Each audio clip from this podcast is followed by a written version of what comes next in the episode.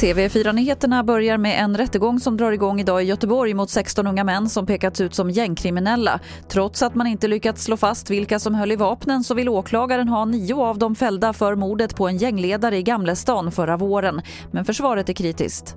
För att vara delaktig i ett mord, om vi tar huvudmisstanken, så måste ju åklagaren visa att man faktiskt har varit delaktig i det där mordet. Och det bedömer jag att de inte kommer kunna göra det vad det gäller min gubbe. Det sa Ulrik Smedberg som är försvarare åt en av de mordåtalade. Idag fortsätter utfrågningen i KU om hur Sveriges regering och myndigheter hanterat coronapandemin.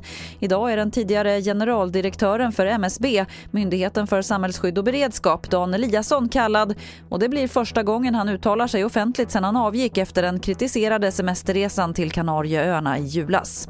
Och vi avslutar med fotboll och Sveriges seger i VM-kvalet mot Georgien igår. 1-0 slutade matchen och det var Viktor Claesson som satte målet framspelad av Zlatan Ibrahimovic som inte verkade helt nöjd med resultatet. Lite för många misstag idag, enkla misstag. Kan vi minimera det så, så blir vi farligare i, i anfallsspelet.